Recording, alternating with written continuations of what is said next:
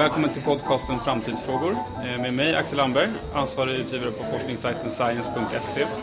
Idag kommer vi prata om den pågående regeringsbildningen och med mig här idag är Stig Ljunggren, socialdemokrat, doktor i statsvetenskap och flitigt anlitad politisk expertkommentator. Välkommen till podden Stigen. Tack så mycket. Hur kommer det sig att du är så intresserad av eh, svensk politik? Ja, jag tror jag hade det hemifrån. Både mor och far eh, politiskt intresserade och, och eh, bland annat ärvt Mauts Lilla Röda av min far. Eh, och han, var, eh, han fick sitta i buren, han gjorde lumpen, han läste eh, Sovjetunionens eh, kommunistiska partis historia. Och modern eh, aktiv i socialdemokratiska kvinnoförbundet. Eller hängbröstvänstern som de kallar sig hemma i byn. Ja, så det har varit med dig? Ja, kan man säga. Och sen komma ihåg, jag, jag är född 57. Så när jag är i 10-11 års åldern, eh, då är det liksom 1967, 1968, de stora åren. De gjorde stort intryck på mig.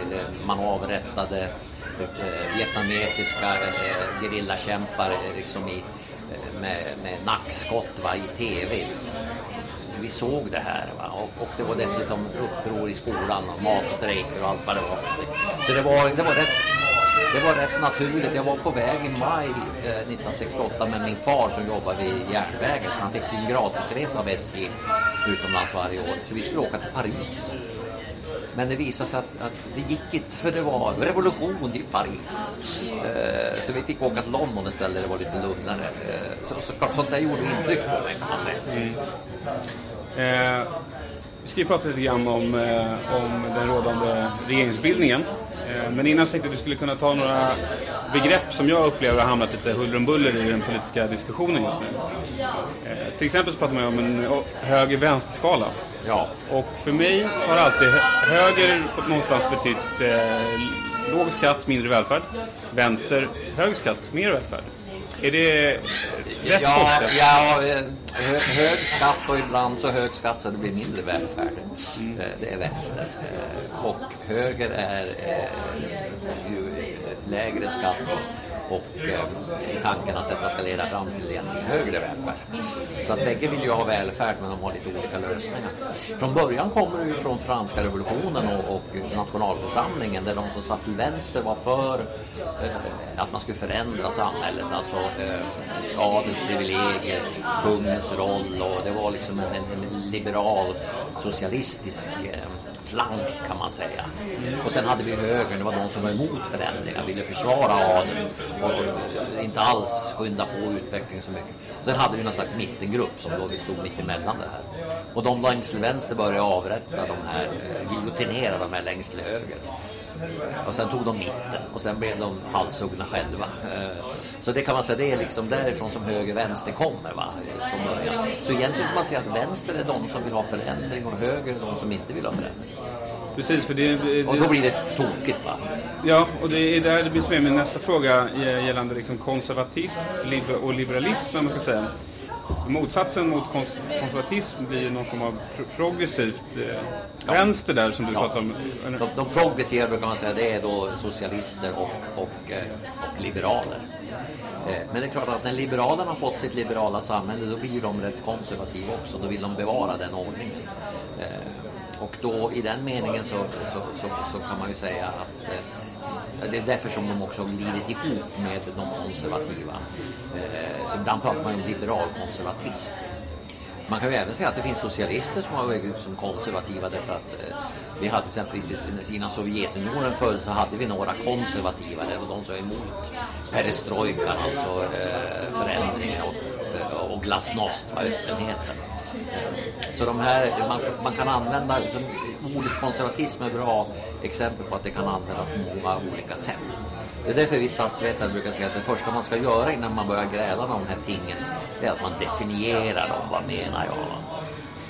konservatism, om man är emot förändring så att säga, eh, då skulle ju Socialdemokraterna kunna vara konservativa i den meningen att man kanske vill bevara välfärden kontra eh, eh, vad ska jag säga, moderat liknelse kanske vill minska den offentliga utgiften till exempel. Ja, precis. Då är socialdemokratin är djupt konservativ. Och det finns inom arbetarrörelsen, skulle jag säga, de som är reaktionärer Alltså, och då är det ett annat ord som betyder att man vill skruva tillbaks till någonting som har varit. Eh, och, och, det är klart att, att, att eh, med den här begreppsförvirringen så, så, så blir det ju väldigt viktigt att man först bestämmer vad menar jag när jag säger reaktionär. Och det, blir, det, det är ju precis som, som eh, med, med liberalismen att eh, för mig då, man, är också ordet liberal betyder någonstans eh, friheten för den enskilda individen. Ja. Medans eh, socialliberal, eller man ska säga, det, betyder det är något helt annat. Ja, inte helt annat, men vad de säger är att för att en individ ska kunna få den här friheten så måste man utrusta individen och göra, det, göra vederbörande till en personlighet.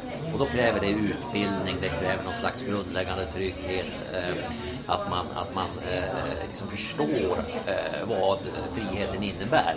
Mm. Och man brukar säga att en, en, en av de stora liberala eh, ideologerna, John Stuart Mill, han hade ju någon föreställning om att, att, att eh, för att få den här friheten kunna utnyttja den och vara en fri individ så måste man eh, liksom se till att alla fått en skolutbildning. Man kan inte, eh, staten ska inte ha utbildning men föräldrarna ska tvingas att utbilda barnen.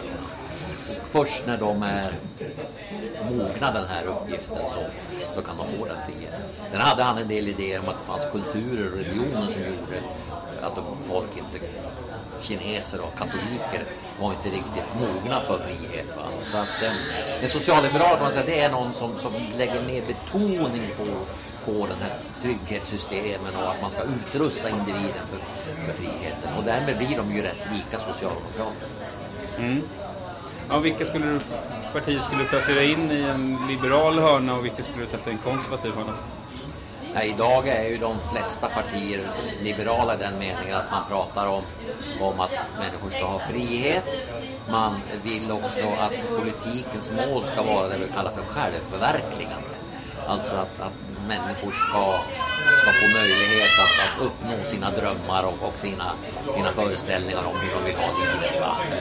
Och att, att partierna idag är hyggligt neutrala till folks val av livsstil eh, någorlunda jämfört med tidigare kan man säga. Det finns ett par partier som inte vill ha det självverkligen och det är de på ytterflanken. Va? Vänsterpartisterna har inte det i sitt program och inte heller Sverigedemokraterna. De har andra föreställningar om politikens mål. Men därmed kan man säga att en rätt stor, eh, rätt stor del av det politiska spektrat är skulle jag säga, liberaler i någon mening.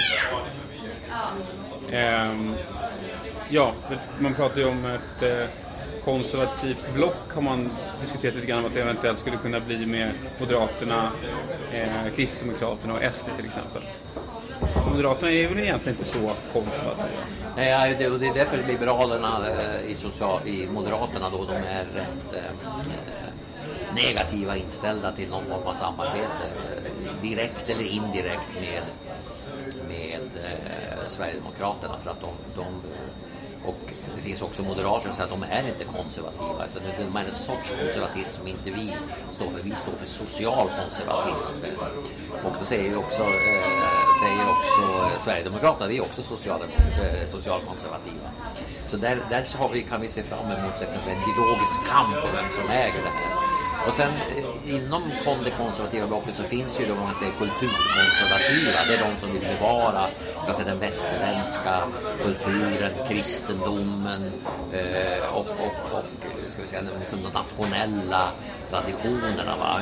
Kanske ibland med betoning på liksom Europa men, men det är ändå någon slags kultursfär som ska försvaras. Och Kristdemokraterna är ju bildade en gång i tiden för att stå upp för kristendomen mot sekulariseringen.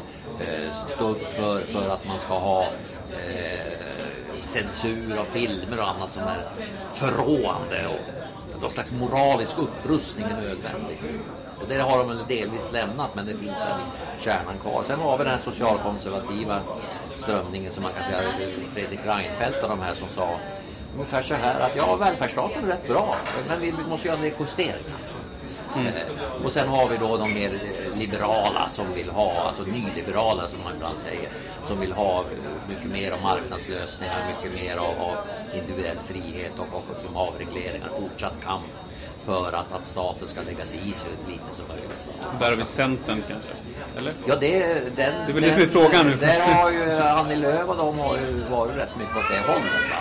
Och även om de inom den centerrörelsen så finns det ju också väldigt starka eh, traditioner, alltså traditionsbunden konservatism, att man ska bevara jordbruket och, och det här är modernäringen. Va? Och, och eh, eh, finns det någon eh, kvinnocenterklubb runt i landet som inte ibland har kyrkkaffe med prosten? Va? Liksom det, ja.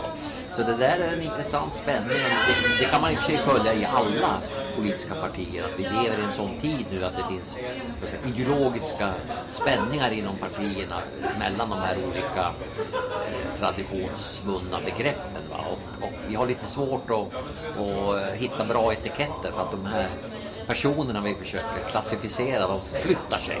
Partierna förflyttar sig på den politiska skalan på ett sådant sätt att vi, vi försöker hitta nya, nya modeller för hur vi ska liksom rita upp det här. Så kan man säga då, att summera att eh, alla partier utom ytterlighetspartierna är i någon mån liberala på det sättet att man ja. söker, eh, vill politiska, politiken ska inrikta sig på självförverkligande. Ja. Men att det finns också ett mått av konservatism inom alla partier på vissa frågor? Ja, med konservatism menar att man vill bevara det som har varit. Sen kan man då sätta upp konservatism som någon slags eh, politiskt program också. Men då har det med traditionerna att göra med mannen och kvinnans traditionella roll, eh, nationen, eh, europeiska kultursfären, den kristna religionen, kungen, armén, ja. försvarsmakt och sådana saker. Det är inte riktigt så starkt i många Nej, men det, men det, finns en grupp konservativa alltså, som, som antingen är med i lottakåren eller är reservofficerare om, om de kan. Så det liksom ingår i en, en medborgares plikter. Och de konservativa, de finns ju inte i alla partier, det kan vi säga. När, eh, när valresultatet var klart så var det många som tolkade det som att 60 procent av befolkningen hade röstat eh, höger. Eh, vad är det egentligen som förenar Alliansen och Sverigedemokraterna? Ja, det är, tror jag, motståndet mot den eh, socialdemokratiska modellen och, och vänstermodellen. Eh, men i, i, i olika hög utsträckning kan man säga. Eh, så att de, är, de här 60 procenten är rätt oeniga om... De kan vara eniga om att man ska avsätta statsministern. Det gjorde de också så fort de hann de rusade in i, i riksdagen och avsatte den här gubben. Va? Ja. och sen tittar de på honom och sa, ja vad gör vi nu? och den förvirringen, när vi nu talar så, så är den fortfarande högst aktuell. Vi, vi, vet inte. Vi har blivit av med, med gubben men, men vi vet inte vad vi ska ha istället. Ja, och precis. Eh, då, då, efter att ha sonderat så lägger Ulf Kristersson fram en MKD-regering eh, som röstas ned eh, efter att Centern och Liberalerna eh, ja, vill, vill, inte ingå i den här regeringen eller stödja den regeringen som får stöd av SD. Eh, då är det en del som menar att alliansen dog där och då. Eh, vad säger du om det? Nej, allianser eh, och, och sådana här nätverk, de dör aldrig. Eh, det är ju ett sånt här eh, förenklat sätt att se saker och ting som, som inte passar så bra i vår tid. Utan det vi ser är ett antal partier eh, Eh, som internt är eh, splittrade och mellan varandra hittar varandra i vissa frågor och, och vissa andra inte. Alltså det är en slags kaotisk situation som inte kommer tror jag och, och eh, det kommer inte att klarna. Det, det, här är det nya normala vi nu är inne i. Och därför så, så alliansen kommer att återuppstå. Den har ju återuppstått i, i, i att man röstade för eller släppte fram en, en moderat kristdemokratisk eh, budgetreservation. Va? Och eh, så kommer det nog vara framöver.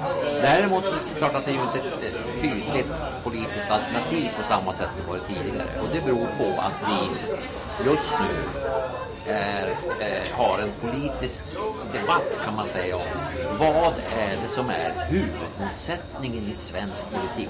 Vilken är liksom den viktiga skiljelinjen? Vilken är den, det liksom kritstreck som vi måste dra upp? Dras det mellan eh, vänstern, alltså socialdemokrater och, och miljömupparna i viss utsträckning och, och, och vänsterpartiet och allt det här? Va? Eh, är det de mot ska säga, den borgerliga icke-socialistiska eh, förändrings... Eh, eh, benägna. Va? Är det det som är eh, det liksom the Rift Valley? Eller går den mellan högerpopulismen, alltså de icke-liberala eh, nya krafterna som vi ser välla fram i, i, i världen. Va? Som har satt en kanalje i Vita huset som, som behärskar Polen, eh, Ungern, ja, eh, hela den liksom listan av, av eh, illiberala regimer som vi ser växa. Mm. Är det det som är problemet? Och de två skiljelinjerna, de, eh, vilken av dem vi ska välja, det, det är fortfarande eh, något oklart. Och det, är det är därför som partierna, framförallt allianspartierna, grälar. De är inte ens om vilket som är huvudmotsättningen. Nej. Och det kan man säga, det är ju också Socialdemokraterna har väl gjort den, tycks det i alla fall, den, uh, eh, gjort den uppfattningen att det är Moderaterna och, och Sverigedemokraterna som är problemet. Eh, lite grann lutning åt att om det är Sverigedemokraterna som är problemet så kan vi tänka oss att samarbeta även med Moderaterna. Eh, men det är ju inte alla inom arbetarrörelsen som tycker det, utan några tycker att det går mellan ska säga, vänstern mot de övriga. Va? Och att, att socialdemokratin därför ska sätta sig i opposition och avvakta tills man kan ta över eh, längre fram när de andra gjort bort sig. Men runt om i Europa så har ju socialdemokratiska partier eh, minskat i, i, i storlek, när man ska säga. Varför kom att, och det har ju även gått ner i Sverige, men det är ju fortfarande ett överlägset största partiet. Ja. Va, vad skulle du säga anledningen till att sossarna har lyckats eh, behålla sin starka positionen då? Ja, i Sverige. Ja, eh, men en förklaring skulle kunna vara, eh, de som tittar på det säger att, att, att i några länder så, så har Socialdemokraterna haft samma mål som man alltid haft och samma medel som man alltid haft. Mm. Där har det inte gått så bra. Sen eh, den andra ytterligheten är de som har haft eh, bytt ut både mål och medel. De kallar sig för socialdemokrater men målsättningarna har blivit annorlunda och även medlen de har framförallt i Storbritannien gick det bra för New Labour. Men sen gick det inte så bra. De som har lyckats är de som har samma mål som tidigare men har förändrat medlen. Och det kan man säga, Socialdemokraterna de ändrade sin, sin eh, katalog eller sin verktygslåda på, på 80-90-talet. Bytte ut den som hade varit på 60-70-talet gradvis. Och därför har, klarade de sig, skulle jag säga, rätt bra fram till nu. Mm. Men det finns, oavsett hur, hur socialdemokratiska partier har ändrat sig eller inte ändrat sig så, så är det ju samma globala teknologiska skifte som vi ser i världen. Alltså att vi går från traditionellt industriarbete till tjänstesamhälle. Va? Alltså jag, jag brukar lite tillspetsat säga att vi går från ett samhälle där folk duschar efter jobbet till ett samhälle där folk duschar före jobbet. Va? Och de som duschar före jobbet de är inte benägna att rösta på de proletära partierna i samma utsträckning som de som var, eh, hade sådana typer av arbetsuppgifter att de till och med tvättade sig innan de gick på muggen. Va? Det gör fortfarande en del grovarbetare och en del på utgården. Va? Men den gruppen blir mindre och mindre och då är det svårare att, om man kallar sig för arbetarparti att, att, att, att få väljare till sig. Och eh, du som du var inne på att en del menar på att det är bättre för Socialdemokraterna att gå i opposition och för att ja. ta makten senare. Eh, är det så att säga vägen framåt eller skulle man, det var ju diskussion här med Centern och Liberalerna om att man skulle in närmare mot mitten. Ja. Eh, måste man, om man till exempel skulle frigöra sig från eh, fackrörelsen, det går väl kanske inte, men Nej, men det, så, det, det som arbetarrörelsen då eh, har att fundera över och det som har gjort tror jag att även bland eh, fackföreningsgällor eh, då ska jag säga att fackföreningarna där att de nog kunde tänka sig att diskutera faktiskt både det ena och det andra som tidigare har betraktats som heligt. Skälet är ju att de förstår att eh, med Ulf Kristersson som statsminister så är det Ja, och då blir det värre. Eh, man kan säga att, att de här berömda listorna då som, som Centerpartiet eh, framförallt lämnade till Socialdemokraterna och så många socialdemokrater sa åh det är så hemskt det mesta av det finns det majoritet för i riksdagen redan nu. Mm. Så det skulle man i princip kunna genomföra. Några av de här förslagen var ju så pass skarpa att inte ens alliansregeringen tordas gå in på. Men inte, och det är klart att i, med det perspektivet så var det väl både en och annan i fackföreningsrörelsen som sa att vi gillar inte det här men, men alternativet är mycket värre. Mm. Men alltså, jag träffar, träffar på många socialdemokrater och även från det finns ju mer också i Vänsterpartiet så att de säger att, att man ska inte ge sig in i den här typen av kompromisser. Alltså varje kompromiss mellan vatten och gift är döden. Va? Utan då är det bättre att låta de här eh, regera, det kommer en lågkonjunktur, det, alltså är den som tar makten, i statsminister i Sverige nu, kommer att få helvete. Mm. För nu, nu vänder konjunkturen. Mm. Och då blir det inte roligt. Va? Och då kanske det är bättre att sitta som i oppositionen och, eh, och se hur de andra fördärvar sig själva och sen kliva in där på, på scenen i rätt ögonblick och ta över. Eh, det där är en slags historisk historiesyn som det finns en slags öde va, som väntar runt hörnet. Eh, det, man skulle, det, det, finns goda argument för det, det skulle jag säga. Och i synnerhet om man har förlorat val så kanske man ska kliva undan av det skälet. Å andra sidan så är det en syn på politik som lite grann som gamla amerikanska filmer. Att just när de här stackars eh, pionjärerna är på väg och ska bli slaktade av indianerna, då hör man i bakgrunden. och så kommer kavalleriet och räddar. Va? I verkligheten fungerar det inte på det sättet.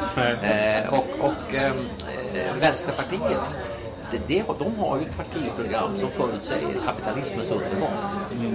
Och de har jobbat på den hypotesen i över hundra år. Och de har varit väldigt troget sitt eh, program. Eh, kompromissar speciellt mycket. Och deras snitt av väljarkåren är ungefär strax under 6 procent av dem. Under 100 år har de snittat på. Och det är klart att det imponerar ju inte på någon gråsosse som van att det ska vara 45 procent. Varken mer eller mindre är acceptabelt. Eh, för, för, för, I förra veckan då så eh, eh lades ju, la ju Stefan eh, det röstades om, om Stefan Löfven som statsminister men han röstades ner och även den här gången så eh, kan man säga att det var Annie Lööf som höll i dolken. Ja. Eh, har hon någon mästerlig plan som vi vanliga medborgare inte kan se? Detta är en av de vanligaste frågorna jag får. Jag är ju i den situationen att jag har varit så mycket på tv så att jag blir stoppad av folk på gatan. Eh, minst en gång om dagen nu för tiden. Och frågar, hur blir det? Får vi någon regering? Det är första frågan. Den andra frågan är, Annie Lööf, är hon ett geni eller är hon inte riktigt klok? Mm. Och jag, jag, kan väl säga att, att det, det, ena utesluter inte det andra. Alltså genialitet innehåller oftast någon form av manövrar som andra mm, från början anses vara knasiga. Mm. Eh, det vi vet är ju att, att eh, hennes signaler och Centerpartiets signaler utåt har varit rätt oklara. Eh, de, har, de har inte gjort det. Vi, vi förhandlar inte om den här listan. Vi förhandlar om den här listan. Den här listan är, är, är ett skambud. Vi förhandlar om skam. Alltså, mm. och vi, vi, vi... Använder sig ganska mycket av media på sätt och vis. Då. Ja. Och, och det kan man säga att den, det där har gett upphov till det är ju då en spekulation om, om de är lite knäppa de här. Va? Det Stureplanscentern har blivit. Och vad säger de här gamla LRF-gubbarna, jordbruksfolket om det här? Mm. Men jag är, för det första så är det klart att Centerpartiet har tidigare gjort sådana här, så det har inte med Annie Lööf att göra. Vi hade 2002 faktiskt en regeringsbildning baserad på eh, då, Folkpartiet hette de ju då Centerpartiet och, och eh, Miljöpartiet. Det var alltså just när den eh, lösningen på att gå i lås, då backar Centerpartiet ut. ut. Och då är det ju en annan partiledare. Eh, så att, så att det har inte med Ann, Annie Lööf att göra. Va? Utan det här har de gjort förut. Precis som de gjorde nu. Alltså att det var på väg att bli alltså en socialdemokratisk regering. Fram till ja, den här söndagen för några, ett par veckor sedan nu eller vad det blir. Sen ska en annan sak är klart. Man brukar ibland skildra socialdemokrater och centerpartister som hästhandlare. Uh-huh. De älskar det här med att, att förhandla och, och, och, och, vem ska lura vem. Man nästan, finner nästan en njutning att se vem som sitter med, med Svarte Petter. Svarte Petter. eh, och det tror jag det spelar in. Alltså det, det, och sen är det som sagt var, jag sagt tidigare, det är en så pass kaotisk politisk situation, så oklart att eh, det är egentligen den som är mest osäker på sig själv som kommer att, att vara den som säger att det här bestämmer oss och vi ändrar oss inte. Alltså att vara flexibel i det här läget, det är rätt smart. Va? Så att jag lutar nog åt att, att, att Annie Lööf och Centerpartiet de har nog fler rävar bakom öronen än, än vad, vad, vad vi tror.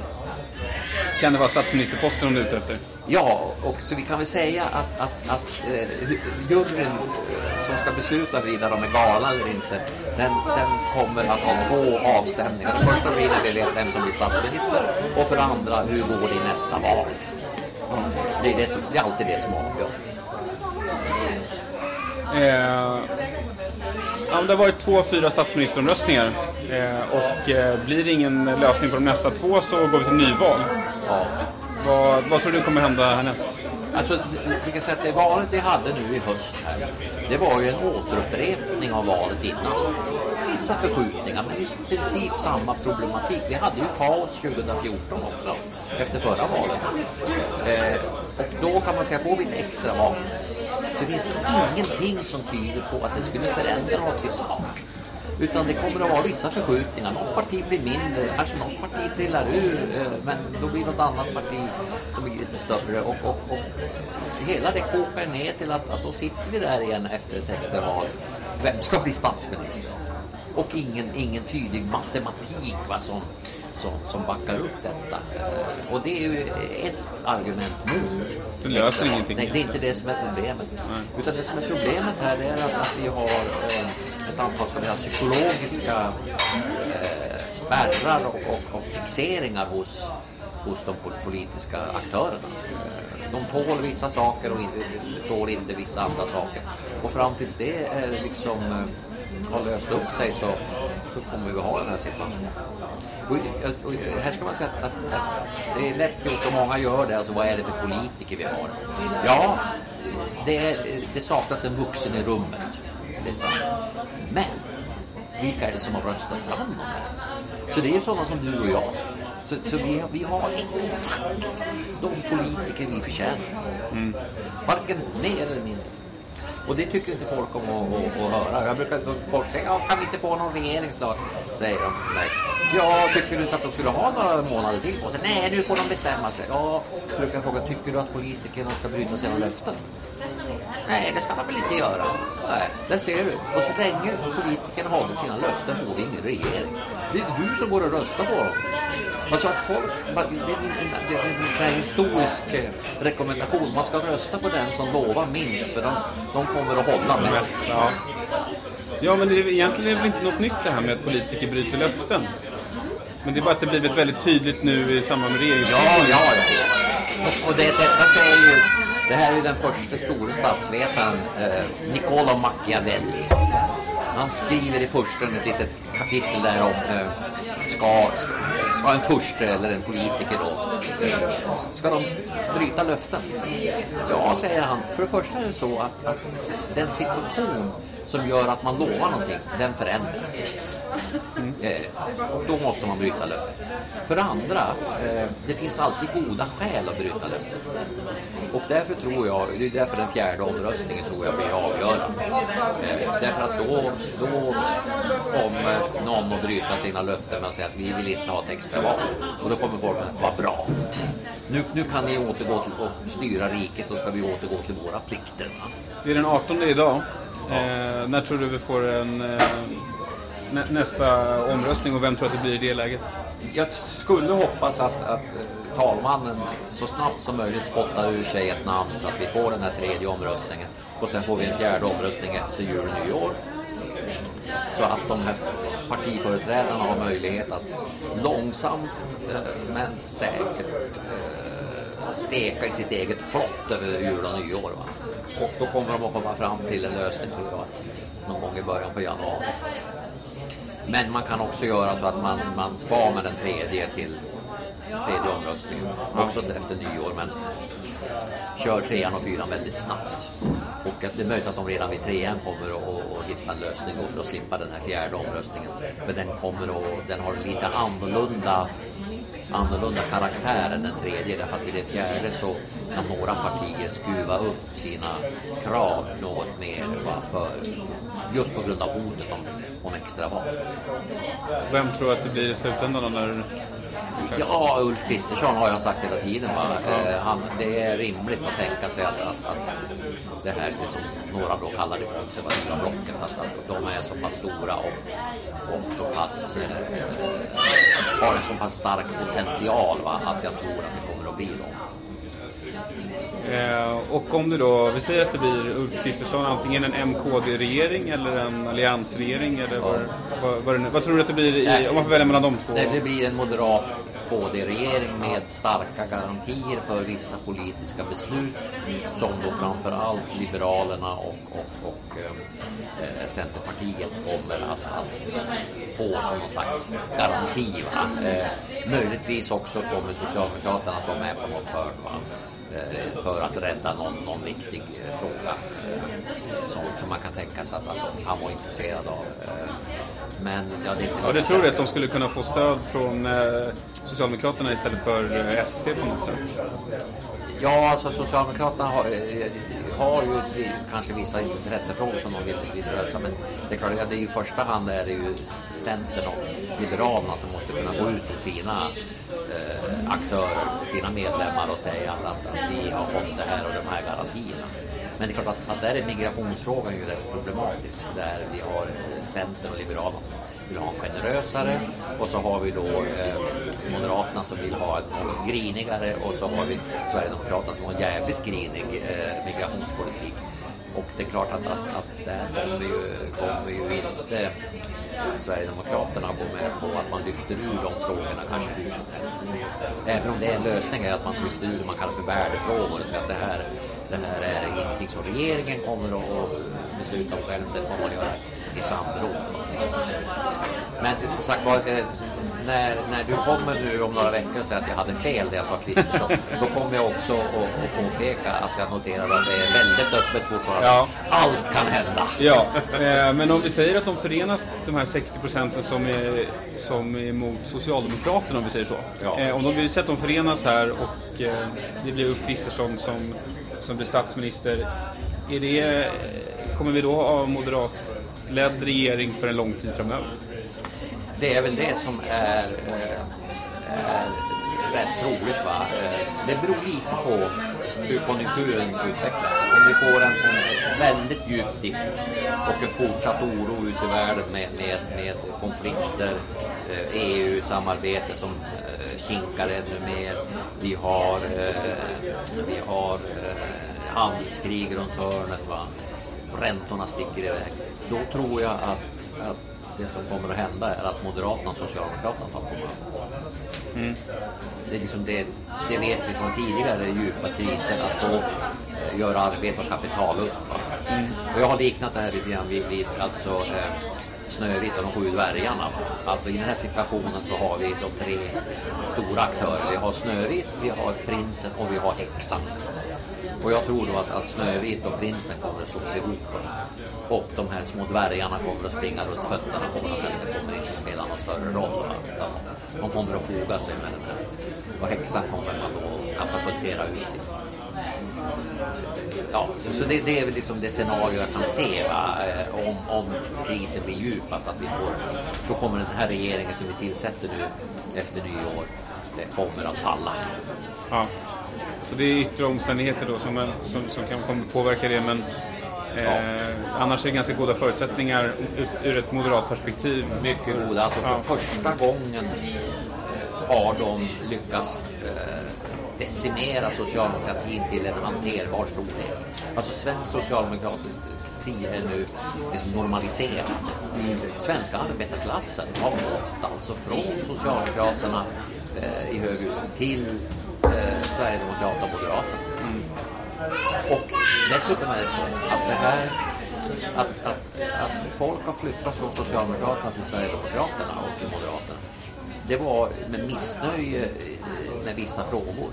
Men mycket tyder på när de nu har flyttat på sig så börjar de lära sig sin nya hemvist kan man säga och ändrar så att säga sin, sin politiska, sina politiska preferenser. Och det gör att de, de eh, svårare att vinna tillbaka.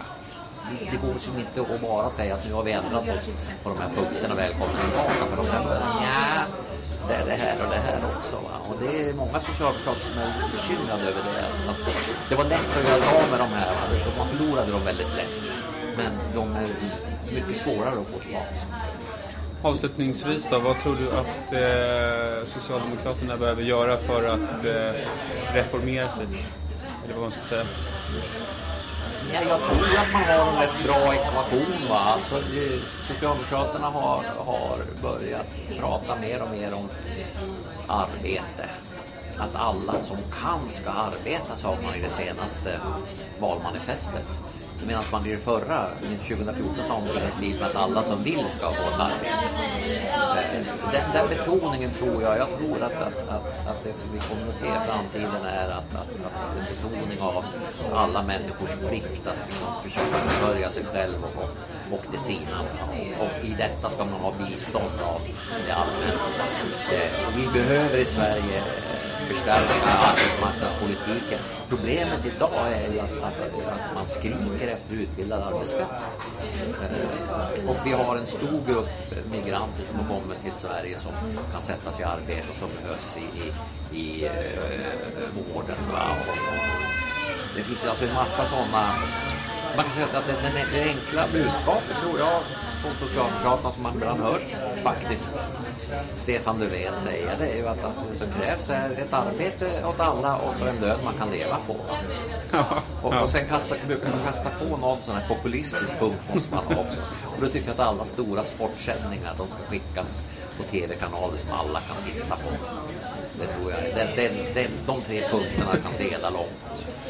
Eh, jag tackar dig så mycket för att du varit med i podden. Ja, tack för att jag fick vara med. Hoppas att du eh, vill vara med igen i framtiden. Tack.